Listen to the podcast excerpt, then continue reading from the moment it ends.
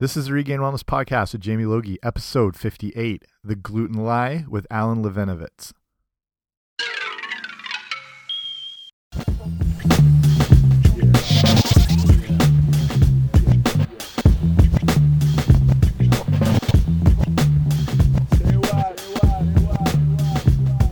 Hey guys, what's happening? Welcome back to the podcast. I'm Jamie Logie. I run regainedwellness.com, and this is the Regained Wellness Podcast. So thank you so much for joining me here today.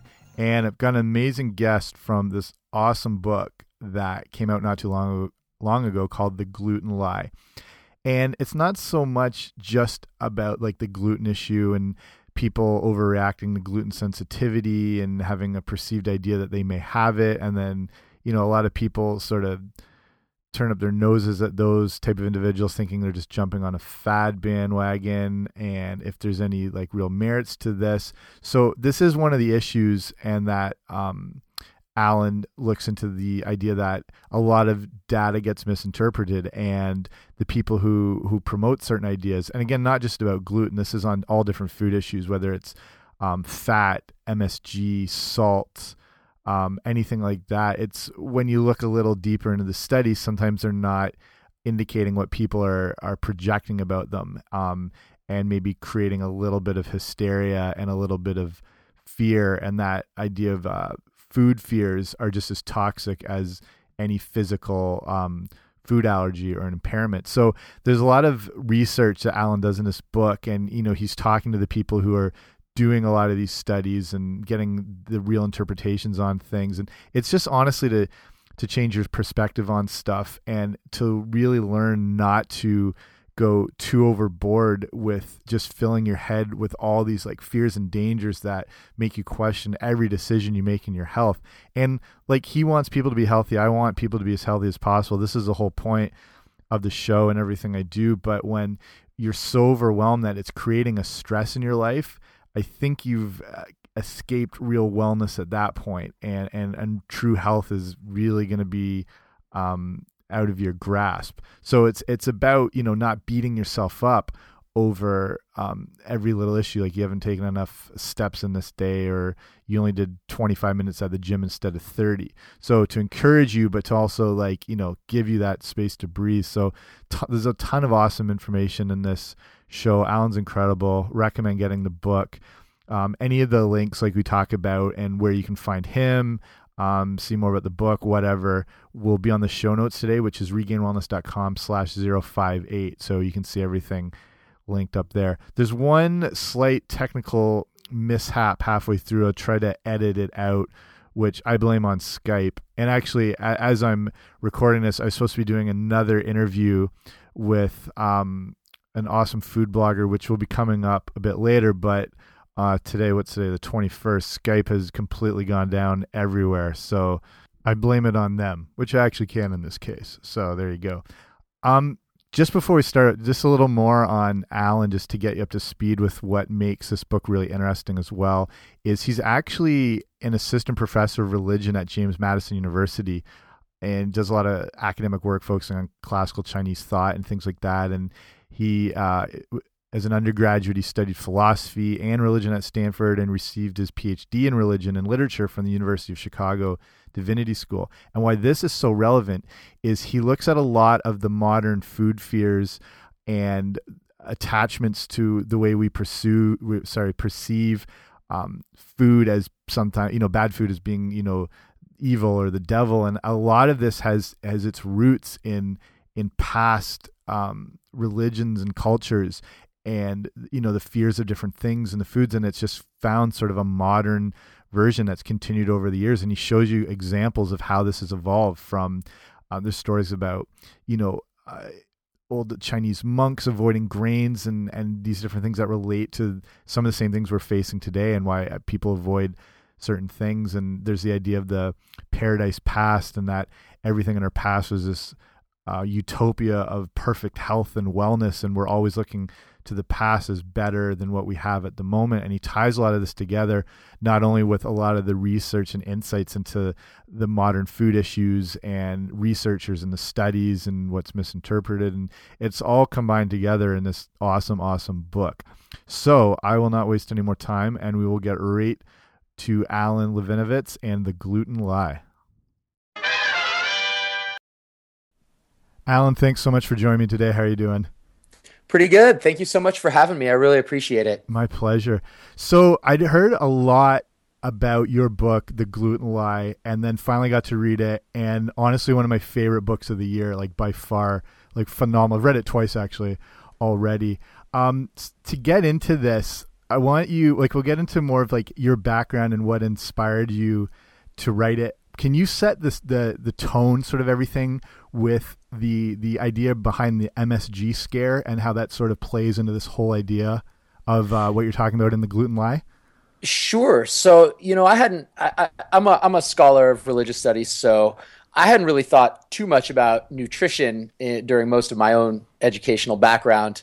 And I was actually in China you know, translating for some of my fellow expatriates in restaurants, and many of them, especially uh, older expatriates, were were really scared of MSG. I would say at least fifty percent of expats would ask me to tell our our waiters not to serve us MSG, and yeah. the waiters would tell me that there was MSG in all of the food already, and that people who were eating, you know, peanuts they had had MSG yeah. in them. And so I did a little research and I found out that most of the double blind placebo controlled trials of MSG reactions showed that most people who thought they reacted to MSG when they were when they were under blinded conditions didn't react to MSG. Right. And yet when I told people that, they got really upset. You know, they had they had their own personal experience of it. They felt like I was telling them that they were stupid or that they were wrong. It's really disempowering, right? Yeah, to have yeah. this belief. And, and so that got me started on on thinking about other kinds of food intolerances and reactions to food and, and led me on the path to writing a book about how and why we come to to fear certain foods. Yeah, interesting. I actually, I worked in an Asian restaurant a ways back, and that was one of the things when we were doing the staff training. It was coming up about the MSG issue and how that would be addressed, and the owners of the place were passing on like that same information, like it's not, you know what I mean? They're presenting that side of it, and everyone's just kind of like horrified. But they had to, you know, they're presenting that that side of the whole thing. So, with your background, and we're talking about how the like, you know, religious mantras make up kind of our interpretation of foods and and you start talking about the idea of like the grain free monks and that um, issue can you jump into that a bit Sure. So I think most people are are familiar with the importance of dietary laws in religion. Most people know about kosher, keeping kosher in Judaism or halal in Islam. And it turns out that my own area of expertise, which is uh, classical Chinese religion and philosophy, there were there were monks who had very strict dietary laws. And some of the earliest monks that had these dietary laws said that if you didn't eat the so-called wugu or the five grains, um, that you could live forever and you would clear up your skin and you'd be able to teleport and you'd never get sick. Um, and you know, I saw this. I'm looking at this. I'm thinking, gosh, that sounds a lot like the kinds of you know over the top promises that people make about dietary trends today. And it's exactly. not just not just that they you know said don't eat grains. They were also selling their own you know literally selling their own proprietary supplements. Uh, you know, so you these recipes for crazy alchemical formulas. You know, and that was crucial if you really wanted to get the immortality. And of course, 200 years later the real important thing, the monks said, well, it's not really avoiding the five grains. That's not the really important thing. It's avoiding meat and blood. Um, and so you see the same kinds of cycles of of dietary promises without without any of the sort of rigorous science or empirical evidence that you would want to back it up.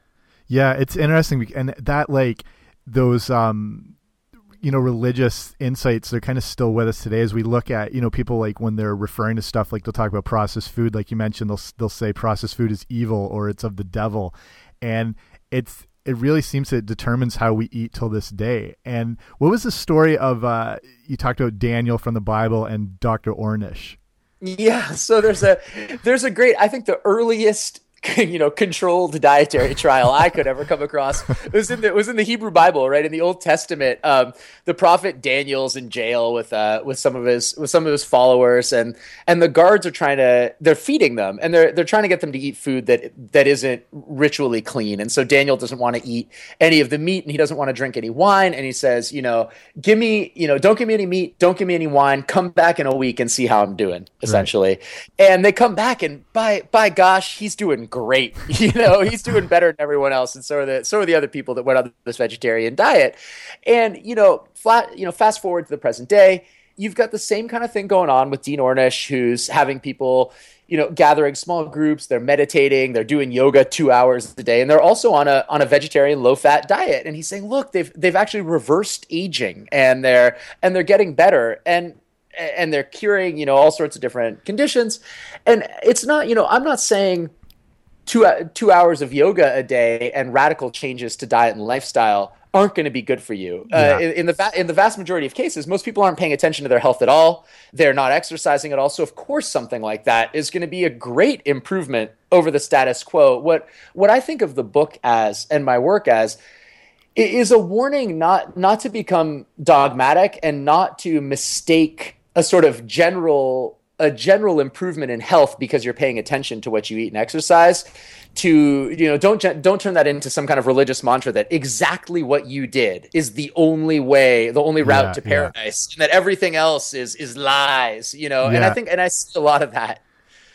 do you um i think you refer to it as paradise lost can you touch on that or sorry paradise past like the nutrition myths of paradise past and some of those things that still are affecting us today yeah, um, this this idea of paradise past. So take take you back again to the monks. Believe it or not, uh, 2,500 years ago in ancient China, where you'd think everyone would be healthy and happy and only eating organic things, they actually talked about a time much further back in the past when everyone was healthy and happy and ate all yeah, and yeah. ate all the right things until it literally you know until the kids started listening to the new music and everyone started eating the new food. I'm not joking. You know, That's for so the funny. for the Chinese studies scholars out there, go check out Mozi, who thinks that you know you shouldn't have any music.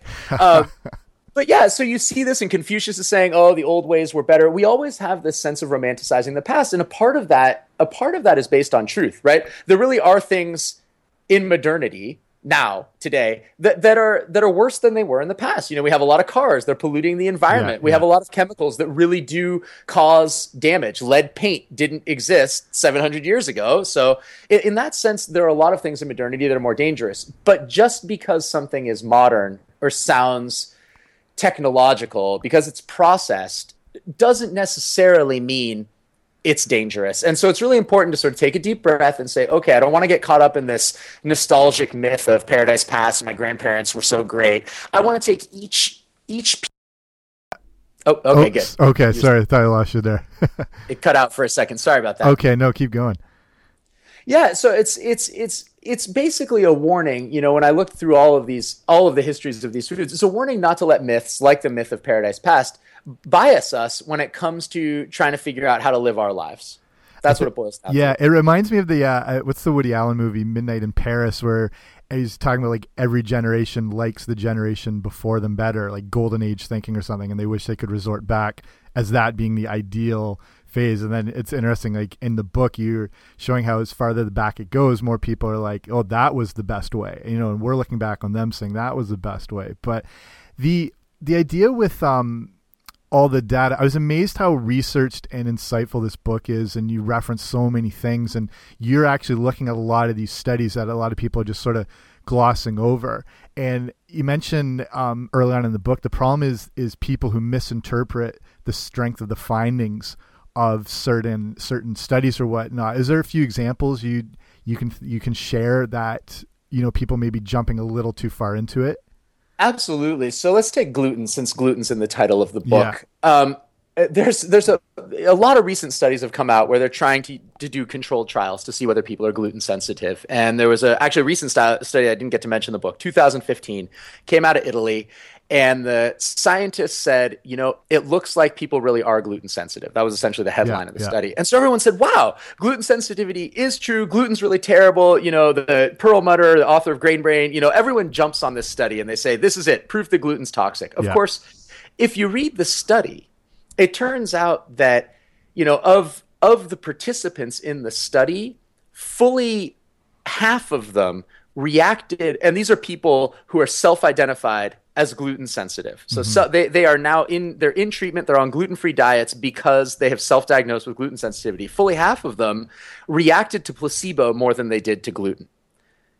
And wow. so what this study tells you is that yeah, there's a small percentage the study thinks about you know maybe maybe a third of people max who are so, already self-diagnosed as gluten sensitive there's a small percentage of people who, who actually are gluten sensitive but there's a far larger percentage of people who who have self-diagnosed with gluten sensitivity but aren't actually gluten mm-hmm, sensitive mm-hmm. and so you know, you want to look at these trials very carefully to, to sort it out because I think people want to say, you know, on the one hand, people want to say, oh, it's all BS, right? There is no gluten sensitivity. And on the other hand, people want to say, oh, gluten, it's this terrible poison that affects everything. You know, the truth is somewhere in between. And you right. don't get that in the headlines or in the titles of the studies.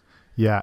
Because it's not, yeah, it's not as sensationalized. If you can put like extreme you know headlines up. Like these these they're trying to sell magazines and newspapers and whatnot. But the i like the idea that or not the idea that you clearly say you're like celiac disease it is a real thing. These things are affecting real people. And then but just talking about the larger general look at it and especially with books like grain brain uh, from perlmutter and wheat belly from uh, william davis. Can you talk how those two books specifically which are probably you know two of the bigger books that have been out there on nutrition. Can you talk how those books specifically and those authors have maybe created a little bit of hysteria, or maybe a lot of hysteria, actually? Sure. So, you know, the, the one of the things I thought was really interesting is that you, you read a book like Wheat Belly or Grain Brain. For a lot of people, it's the first time they've ever read a detailed nutritional, yeah, you know, yeah. detailed scientific book. It's overwhelming. It seems like these people are incredibly intelligent. They're constantly citing studies, they're citing their own credentials. Uh, what I did though, is, you know, I realized that Davis and Perlmutter aren't actually conducting the studies they cite these are not researchers. They're, they're people who, you know, for, for the most part are in the clinic and writing books, especially yeah, Perlmutter's yeah. case. So I went and asked the scientists. You know, I go and, I, you know, you look at interviews with Dr. Alessio Fasano, who's, you know, one of the leading experts on gluten sensitivity, mm-hmm. and he mm-hmm. explicitly states that these books are overhyping the studies that he himself is conducting. So I realized that the actual scientists who are producing the data are, are much more humble about their conclusions. They're much less sensationalist, and they also realize that that it's a terrible thing for society to create hysteria around food. And it's also a terrible thing to promise miracles like curing your children of autism, right? So there's yeah, there's yeah. there's a lot in these books these promises that Parkinson's can be turned around or autism can be turned around. And you know, it's a terrible thing I think to hold out false hope. You you always you you want to tell people when there's promising research, but but you walk a fine line between telling people about promising research and and just overhyping science that isn't there yet. Yeah, that's a good point because like they're not in the trenches doing the research. You know what I mean? The research like Fasano is or whatnot. Um, and when you actually like looking deeper into it, um, they've I don't know because they've they've developed such that big following that people sort of take it as as gospel. I think it goes into the like the Doctor Oz thing as well. Like, what's your what's your feelings on kind of what he's doing and what he's presenting to the public? Well, you know, and this I, I, I can't believe these words are going to come out of my mouth, but it's it's I've realized now, having written this book, that that it's important to empower people. It's it's important to make people feel like they have control, that they can that they can change their lives, that they can turn themselves around. And I think Dr. Oz and Perlmutter and and Davis you know, in sort of the best possible characterization, they are they are empowering people. They yeah. are giving simple mantras. They're painting a world of good and evil. Government and pharmaceutical companies are yeah. evil. Renegade researchers and handsome TV doctors are good. and and and that's something that that actually I think is valuable. It's nice to feel like there's certainty in this world, and that and that there's hope, and that there are easy solutions to very very difficult problems. And so, yes, that's what they're doing, but they're doing it at the cost of nuance and science. And and the fact that these are charismatic clinicians is, is actually a huge strike against them, right? Because if you're a charismatic clinician, that's exactly when you get student or patients that are that are responding to you and not to the treatment yeah, specifically. Yeah. You know, this is why you get clinicians who support homeopathy. You get clinicians who say things like, "Well, I don't know about vaccines, man. I've seen a lot of people come into my office." Right? You need to get out of the clinic where people don't have a personal connection with their patients and, and that's and do the research the blinded research and then you get objective appraisals of things like going gluten free and casein free for autism. And and that's why you really can't trust people like Davis and Perlmutter who who are invested in providing empowering narratives and whose only real experience with any of the stuff that they're talking about is in their books. And and also I would add one more thing. Uh, because Perlmutter is like my my my arch nemesis. check check out go back 10 years and check out this man's books and he's promising the exact same miracles but in those books, he's actually advocating a low saturated fat diet of mostly vegetables with whole grains. so yeah, that's it's it's really interesting, right? His his miracle promises follow the dietary trends. I know that's day. completely yeah. Go on Amazon, you can see these books, and um, yeah, that's that's unbelievable. With with the gluten issue, like obviously it's huge, and it's um, I, I was spending the summer working in the. I'm Canadian, but I work in uh, a summer camp in the states, and there's a lot of staff from all over the world. So you know, Australian, English, German, whatever, and they're just like shocked at the amount of kids that are on gluten-free diets when they're like, no one back home is doing that, um, and just that's sort of you know developed itself within North America. And then in the book, you're talking about the different um, mindsets that just have been like shaped by books like this. And then you talked about an interesting thing about bananas treating celiac disease.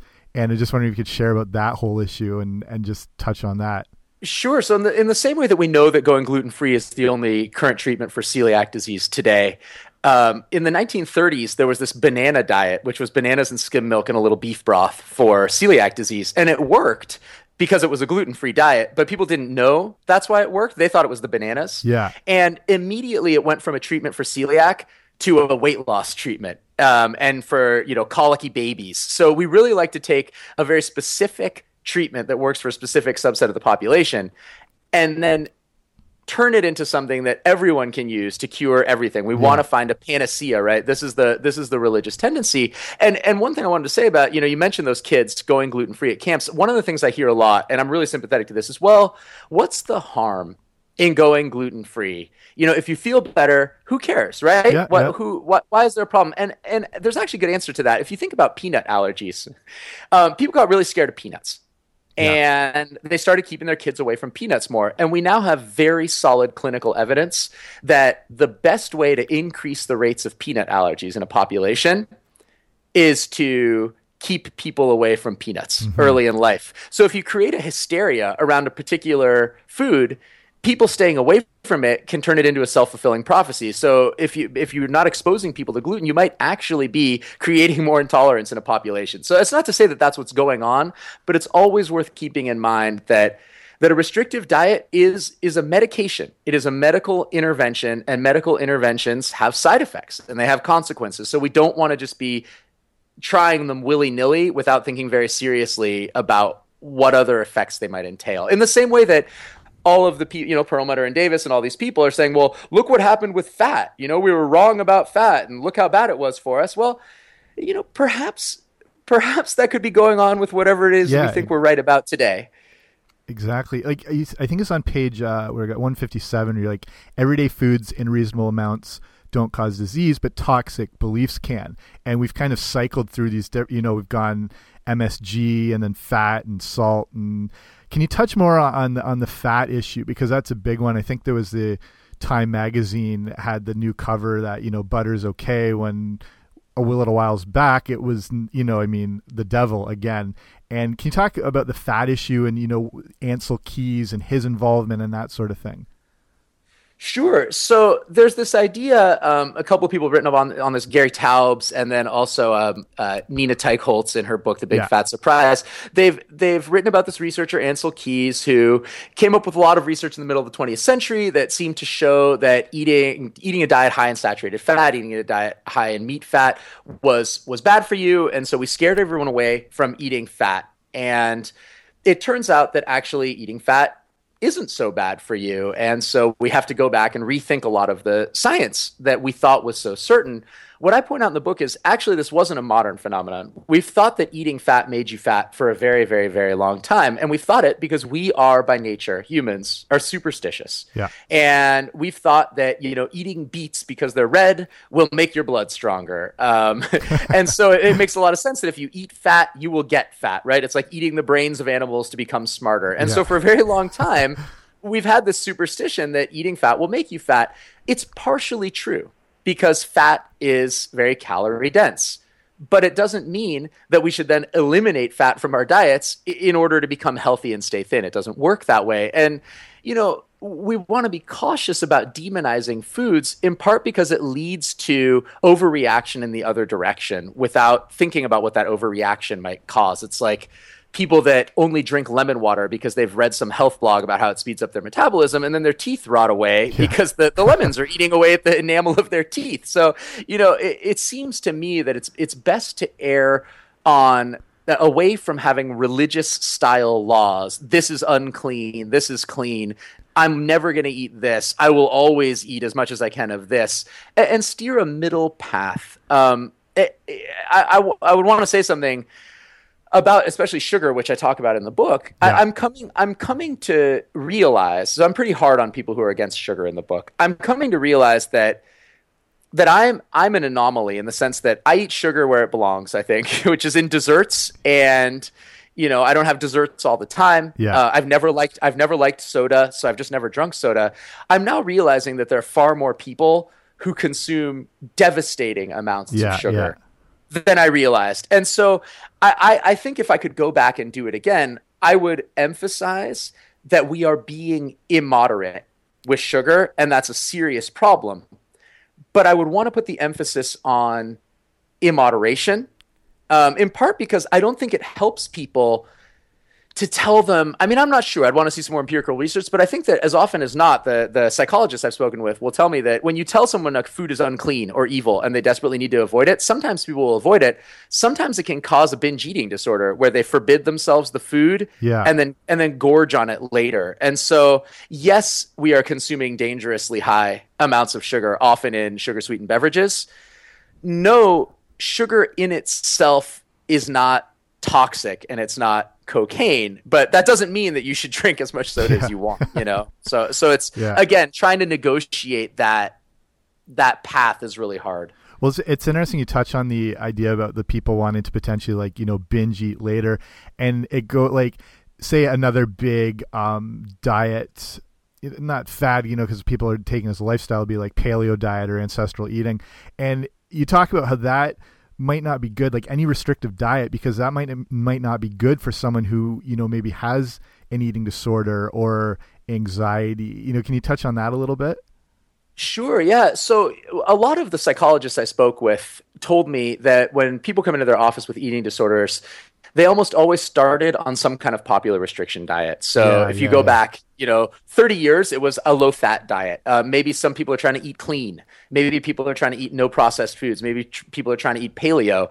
The problem with those kinds of restrictive diets is that if you have a sort of OCD mentality, it quickly, the, the sphere of banned foods, in, it quickly grows. Yeah. Uh, so if you're not eating processed foods, before you know it, you're not eating anything, you know, smoothies are processed as well. And then you're not eating anything except for raw vegetables, you know? And so yeah. I think it's, I think you, you really want to be careful. And, and you also want to be careful though. I would say, I would say to all of your listeners, you know, I, I like to think holistically about health. And, and when I say holistically, I mean that your diet isn't just about maximizing your physical health. Your your health is about your ability to also interact with your community, your friends and your family. Yeah, yeah. And so you you don't want to be the kind of eater that's terrified to go home for the holidays. Mm-hmm. You don't want to be the kind of person who dreads going out to eat with your friends because you feel like you're in an unsafe zone, right? I've read so many yeah. things where it's like, here's your survival guide to eating. No, seriously. I'm, I'm i know. I totally know.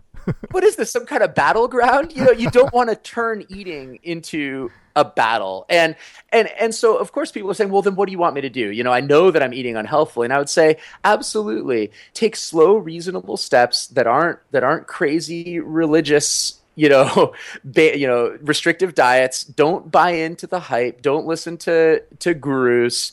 and and slowly try to take control of your eating so that you eat more healthfully, you eat more home cooked meals, you eat more foods from nature, but also don't think that, you know, oh no, I've cheated yeah. on my diet and so it's all over. Your diet is not your spouse. Yeah.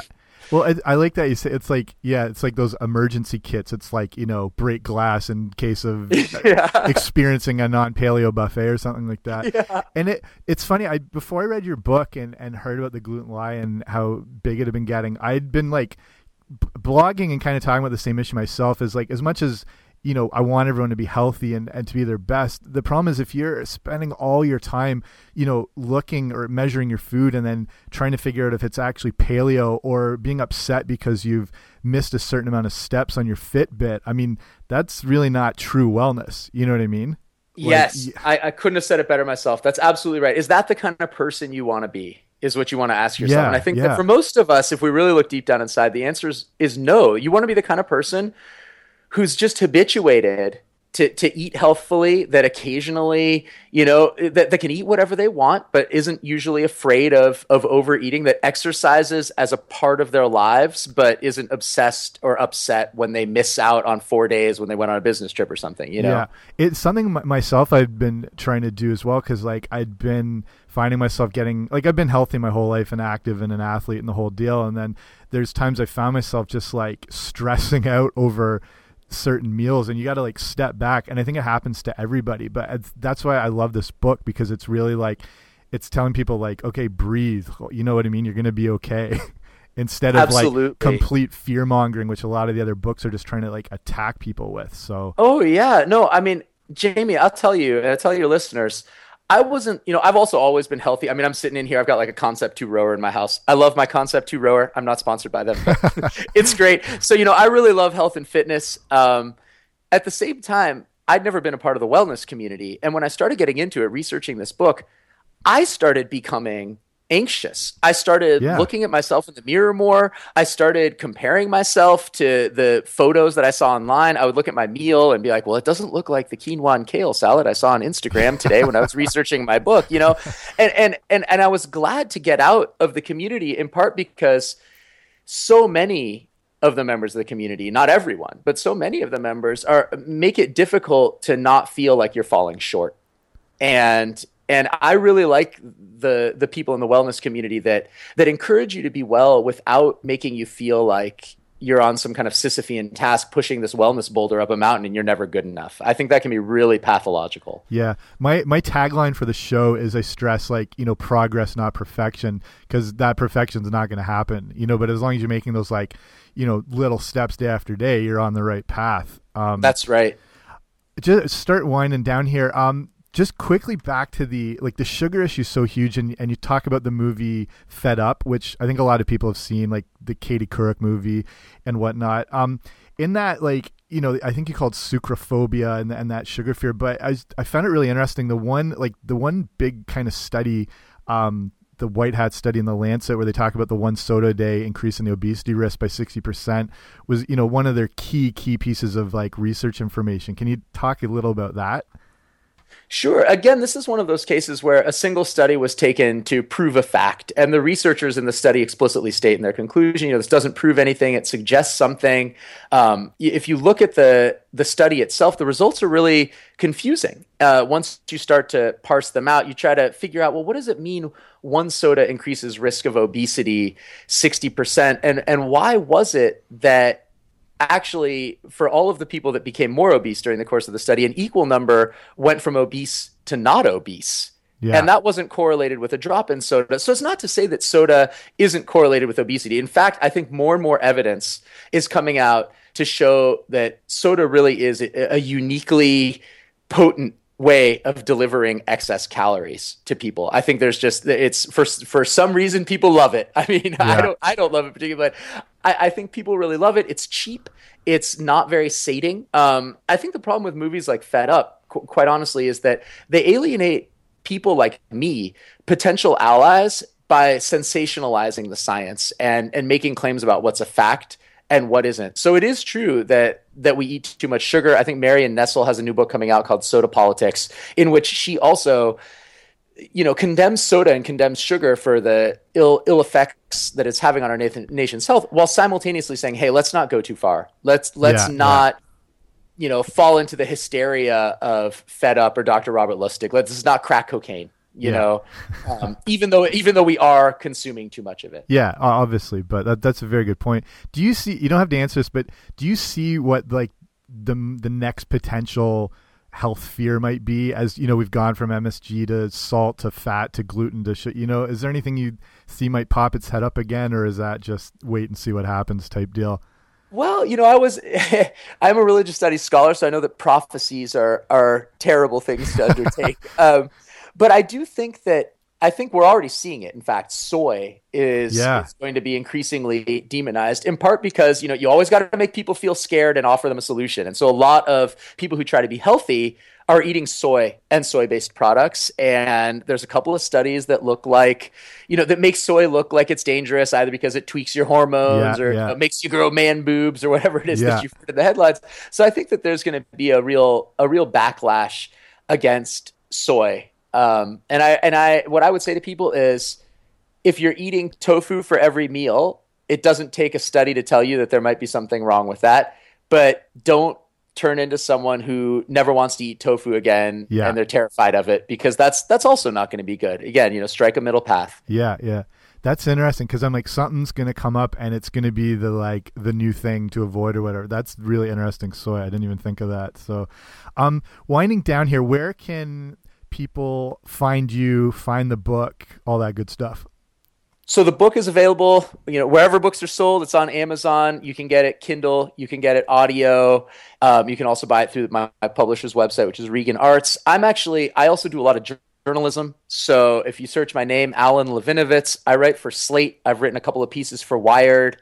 Uh, I've written for The Atlantic, and so my my writing, which is is a combination of skepticism and sort of a cultural analysis of science is is out there for people that enjoy the book. And you can also go to theglutenlie.com where you can read the introduction to the book which covers the MSG issue that you talked about. I, I really encourage people to read it. I think a lot of people think it's just about skepticism, but you, you've been really helpful highlighting that it's it's about empowering you. It's Yeah. about empowering you not to feel scared. It's not telling you that you should eat whatever you want or that McDonald's is great or gluten doesn't harm anyone. It's the lie is that we should be scared of our diets and scared of our everyday lives. That's that's not empowering. That's terrifying. Yeah, in, my exactly. opinion. Exactly. So that's why, yeah, it's one of my favorite books of the year. I've, I've been reading a ton this year, nutrition based, and it just it hits like it's all these things I had been thinking of, and you combined it perfectly into one book. Um, all the all your links and stuff I'll link up on the show notes for people listening, so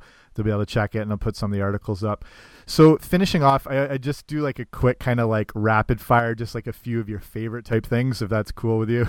Sure. Okay, favorite uh, TV show. Favorite TV show?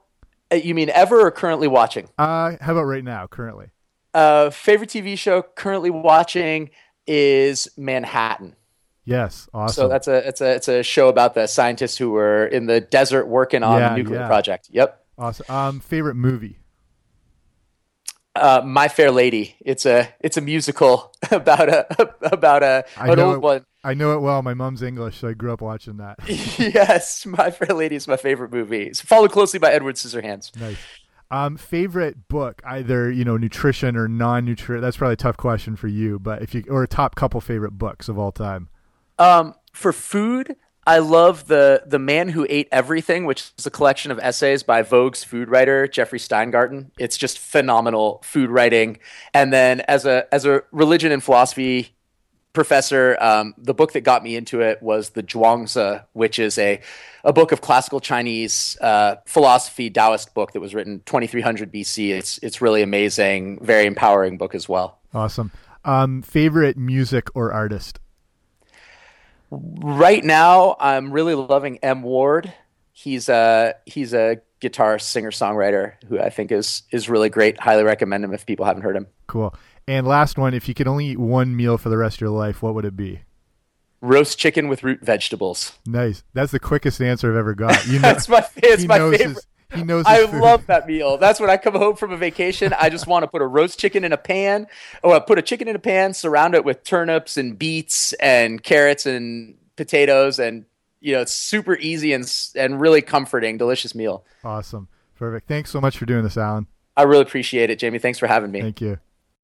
Okay, I'm back with you. So that was awesome. I want to thank Alan again uh, for awesome insights. I mean, after we start recording, we are still talking for a while. Like we could go on about a lot of this all day, and maybe hopefully have him back again to just uh, touch on some of these things and some new insights and everything. So again, if you want to see everything uh, Alan's doing, links to him, links to the book, go to regainedwellness.com slash 058. So that's all linked up there. So that'll be it for me. Thanks for joining. Really appreciate it.